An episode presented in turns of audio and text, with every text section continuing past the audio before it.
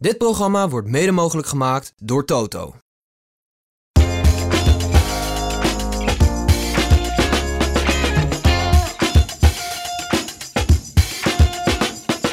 Strijden ten onder of een tikkeltje overmoedig? Dat is de vraag die reist naar de zesde etappe van de Tour de France, waarin Wout van Aert een lange vlucht maakt, maar erin wel zijn gele trui verliest, terwijl hij misschien wel kans had, of eigenlijk een grote kans had om te winnen in Longwy. Mannen, hoe kijken jullie naar eh, deze kwestie Wout van Aert? Was het dom of was het vooral gokken en verliezen? Nou, ik zal als Nederlander het voorschot nemen. Ja, ik vond het eh, een onbegrijpelijke actie. Ehm, bij Jumbo-Visma hoorde ik bij de start dat ze een beetje bang waren dat eh, de vluchters de vrije hand zouden krijgen. Dat niemand zou gaan controleren en dat Jumbo-Visma opnieuw al het werk zou moeten doen. Maar ja, zo de aanval ingaan zoals Wout van Aert heeft gedaan, ja, dat begrijp ik totaal niet. Eh, je kunt slagen in zo'n vlucht wanneer je met een groepje van 8 à 10 renners zit. Maar op het moment dat ze met z'n drieën alleen maar overbleven, ja, dan weet je dat de kans heel klein is dat je het gaat redden. Ja, en dan vooral met zo'n aankomst. eh 9 van de 10 keer wint hij gewoon die rit. En als je ook kijkt hoe dicht Michael Matthews toch nog bij eh Tadej Pogacar komt. Ja, dan is het doodzonde eh, dat Wout van Aert deze kans heeft laten lopen. Niet alleen, hij had de rit kunnen winnen, denk ik. Maar hij had zeker die gele trui kunnen bouwen. Of niet, Nico? Ik kan me daar alleen maar bij aansluiten, inderdaad. Het is een, eh, ja, onbegrijpelijk eigenlijk. Eh, we spraken daar Frans Maassen over, gaan we zo zo direct horen. Dus die, ze hadden bij, bij Jumbo-Visma wel degelijk verwacht dat er een grotere groep in. Maar ja, dan stelde ik de vraag aan, aan, Frans Maassen van, als je ziet dat het niet gebeurt, waarom roep je dan niet terug? Dat was misschien een moment geweest, maar dan eh, had hij nog niet meer de sprint gewonnen. Hij had natuurlijk vanaf het begin uh, gekoerst als een leeuw. En eh, nou ja, hij rijdt voor het groen. Hij heeft een kans, ge- hij heeft ervoor gestreden. Het is niet gelukt, maar hij pakt in ieder geval nog een hoop punten voor de groene trui in de tussensprint. En normaal gesproken, als hij niet zo koerst, dan was er een groep gaan lopen van een man of 15 zonder iemand van ons. We de hele dag op kop moeten rijden en hadden we waarschijnlijk ook niet gewonnen. Nou, er wordt ook gesproken over een passend afscheid in stijl van die gele trui. Is dat ook zo? Ik vind van niet. Ehm, het, had, het had anders gekund. Hè. Als, hij, had die dag, hij had die dag van vandaag nog kunnen afsluiten in het geel. En misschien morgen in, in stijl er afscheid van nemen. Dan helpend voor, voor zijn ploegmaats eh, op de planche de Belleville. Maar nee, ik ga er niet mee akkoord. Nee, ik sluit me bij Nico aan. Eh, ik vind dit helemaal niet een stijl. Eh, dit is gewoon een, een, een domme actie, wil ik het eigenlijk wel zeggen. Hij- ze hadden gewoon moeten schakelen op het moment dat ze met z'n drieën waren. En toen had hij Wout moeten zien van hier is geen kans.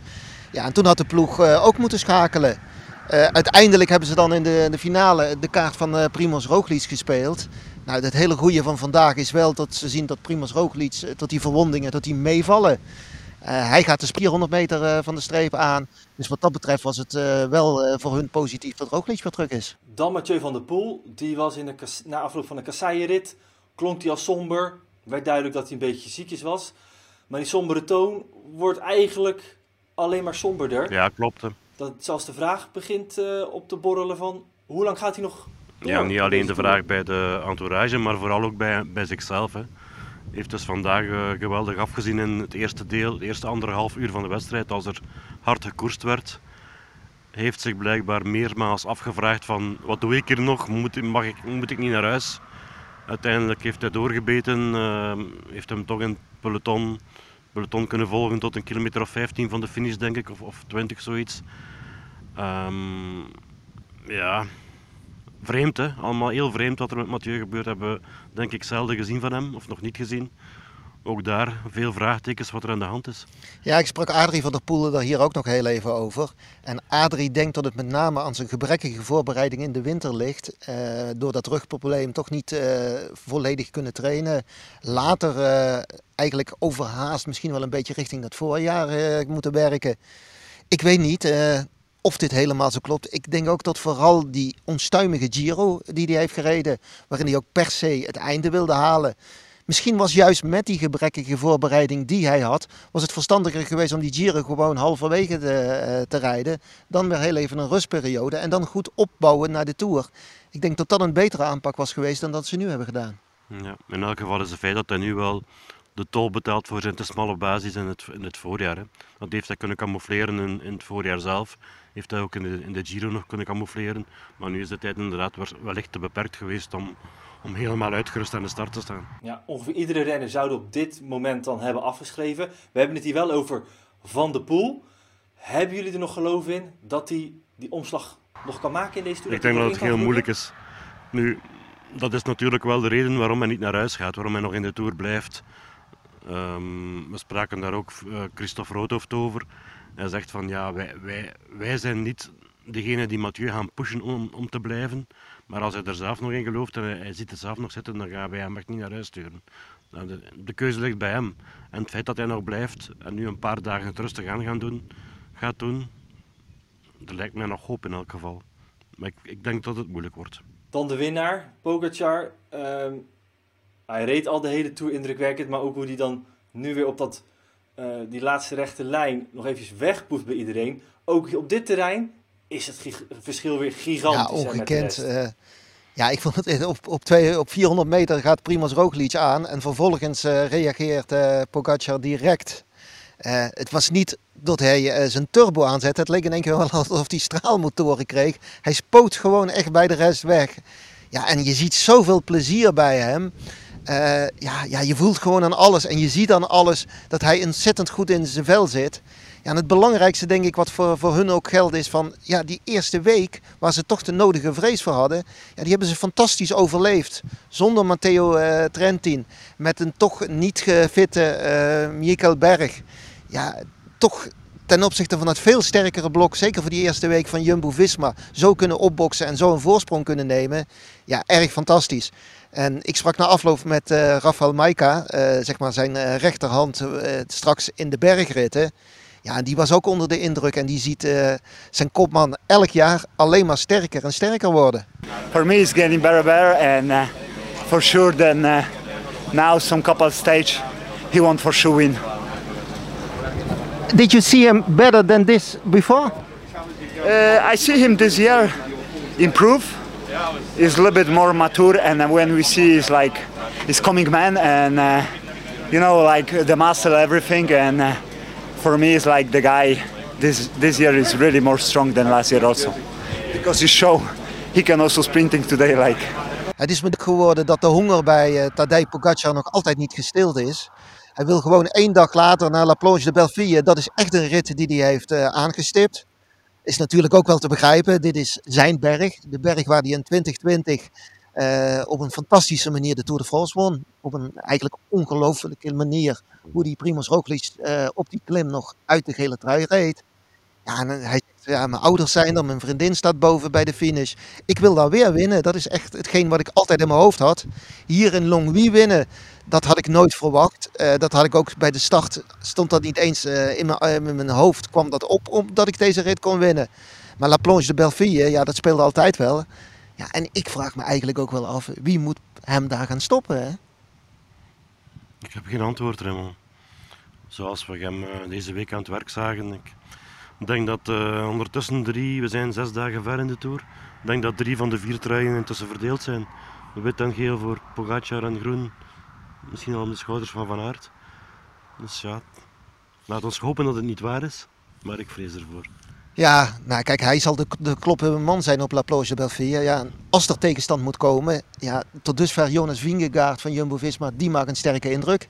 Is in het klassement ook eigenlijk zijn grootste bedreiging op 31 seconden momenteel. En ja, iets wat nu nog niet op La Planche de Belleville gaat spelen, want dit is toch vooral een explosieve klim. Uh, wat later misschien kan gaan spelen, is dat Ineos toch met de drie kopmannen, uh, Adam Yates, uh, Martinez en uh, Jaron Thomas, ja, die staan gewoon nog bij de eerste tien, ook binnen een minuut. Ja. Dus wat dat betreft is dat ook nog altijd een heel sterk collectief. Ja, maar dat kunnen ze morgen niet, niet uitbuiten in principe. Daar moet, moeten ze wachten tot, tot in de Alpen, denk ik dan dat morgen is niet een berg waar je tactische spel kunt gaan spelen. Morgen komt het op explosiviteit van, aan. van de sterkste. Wie zie jij dan, Nico, als uh, de man die te kloppen is op La Planche de Belleville? Als Belg moet ik toch even in eigen, in eigen land kijken en dan denk ik toch wel aan Dylan Teuns. Dylan Teuns was, uh, was vandaag helemaal niet slecht. was uh, een mooie top 10 plek. Zij zelf wel dat Pogacar te sterk was, maar dat hem voor een, een mooie ereplaats misschien zelfs beter had kunnen doen? Ik denk winnen was vandaag heel moeilijk. Ik denk de sterkste heeft gewonnen, dat was duidelijk. Maar ja, een mooie podiumplaats had er misschien wel in gezeten. Kort op 300 meter van een meet of zo de pas afgesneden, waardoor ik de benen moet stilhouden. En uh, daar verlies ik uh, volledig momentum en moet ik mij volledig terug op gang trekken. En uh, ja, dat kost me toch wel twee plaatsen altijd, denk ik. En Dylan is ook degene die een paar jaar geleden al eens won op La Planche de.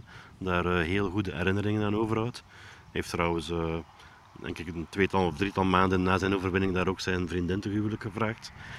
En heeft daar ook nu zes in opgezet. Hij heeft zowel op vandaag, de rit van, van vandaag als die van La Planche de Belleville zijn zinnen gezet.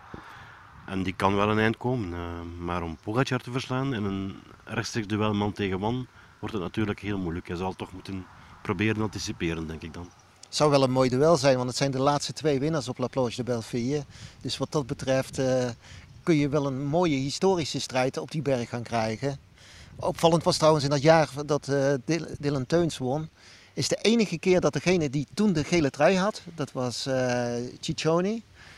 Uh, die pakte toen de gele trui op uh, La Planche de Belleville. Die is niet de eindwinnaar geworden. En, en, de andere vier keer dat ze elke keer op La Planche de Belleville eindigde, was de gele truidrager bovenop die Vorgezen kool. Dat was ook de latere winnaar van de Tour. Belooft voor morgen dan? Nico, een ploeg die we vandaag heel actief hebben gezien was uh, Bora. Alles in het teken van Vlasov. Denk je dat hij nog iets gaat kunnen betekenen in die strijd met op de planche op wel. de La Planche Voor het eindklassement niet. Maar op de planche de hij is ook bijzonder explosief. Ik denk dat hij een, ja, samen met Vingegaard, met, uh, met, met Teuns, met Pogacar, toch wel een van de kandidaten op ritwinst is. Ja. Goed, tot slot. Ik wil van alle voor jullie alle twee één naam hebben. Wie wint op La, La Ik zeg uh, Tadej Pogacar. Ik kan niet anders dan volgen. Pogacar. Goed, ik ga voor Jonas Vingegaard. Die gaat toch proberen er een beetje spanning terug te brengen in de wedstrijd. Door het uh, Pogacar lastig te gaan maken op uh, La Superplanche de Bafia. Dit was de Wielenflits update voor vandaag. Dank voor het kijken en luisteren. En graag tot de volgende. Ademais. Ademais. Ademais.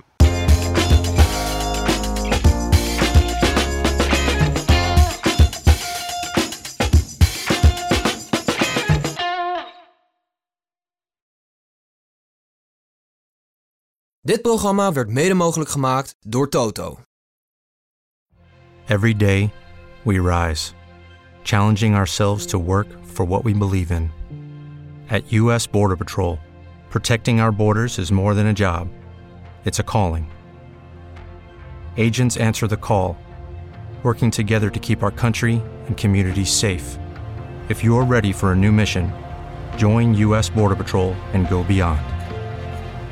Learn more at cbp.gov/careers.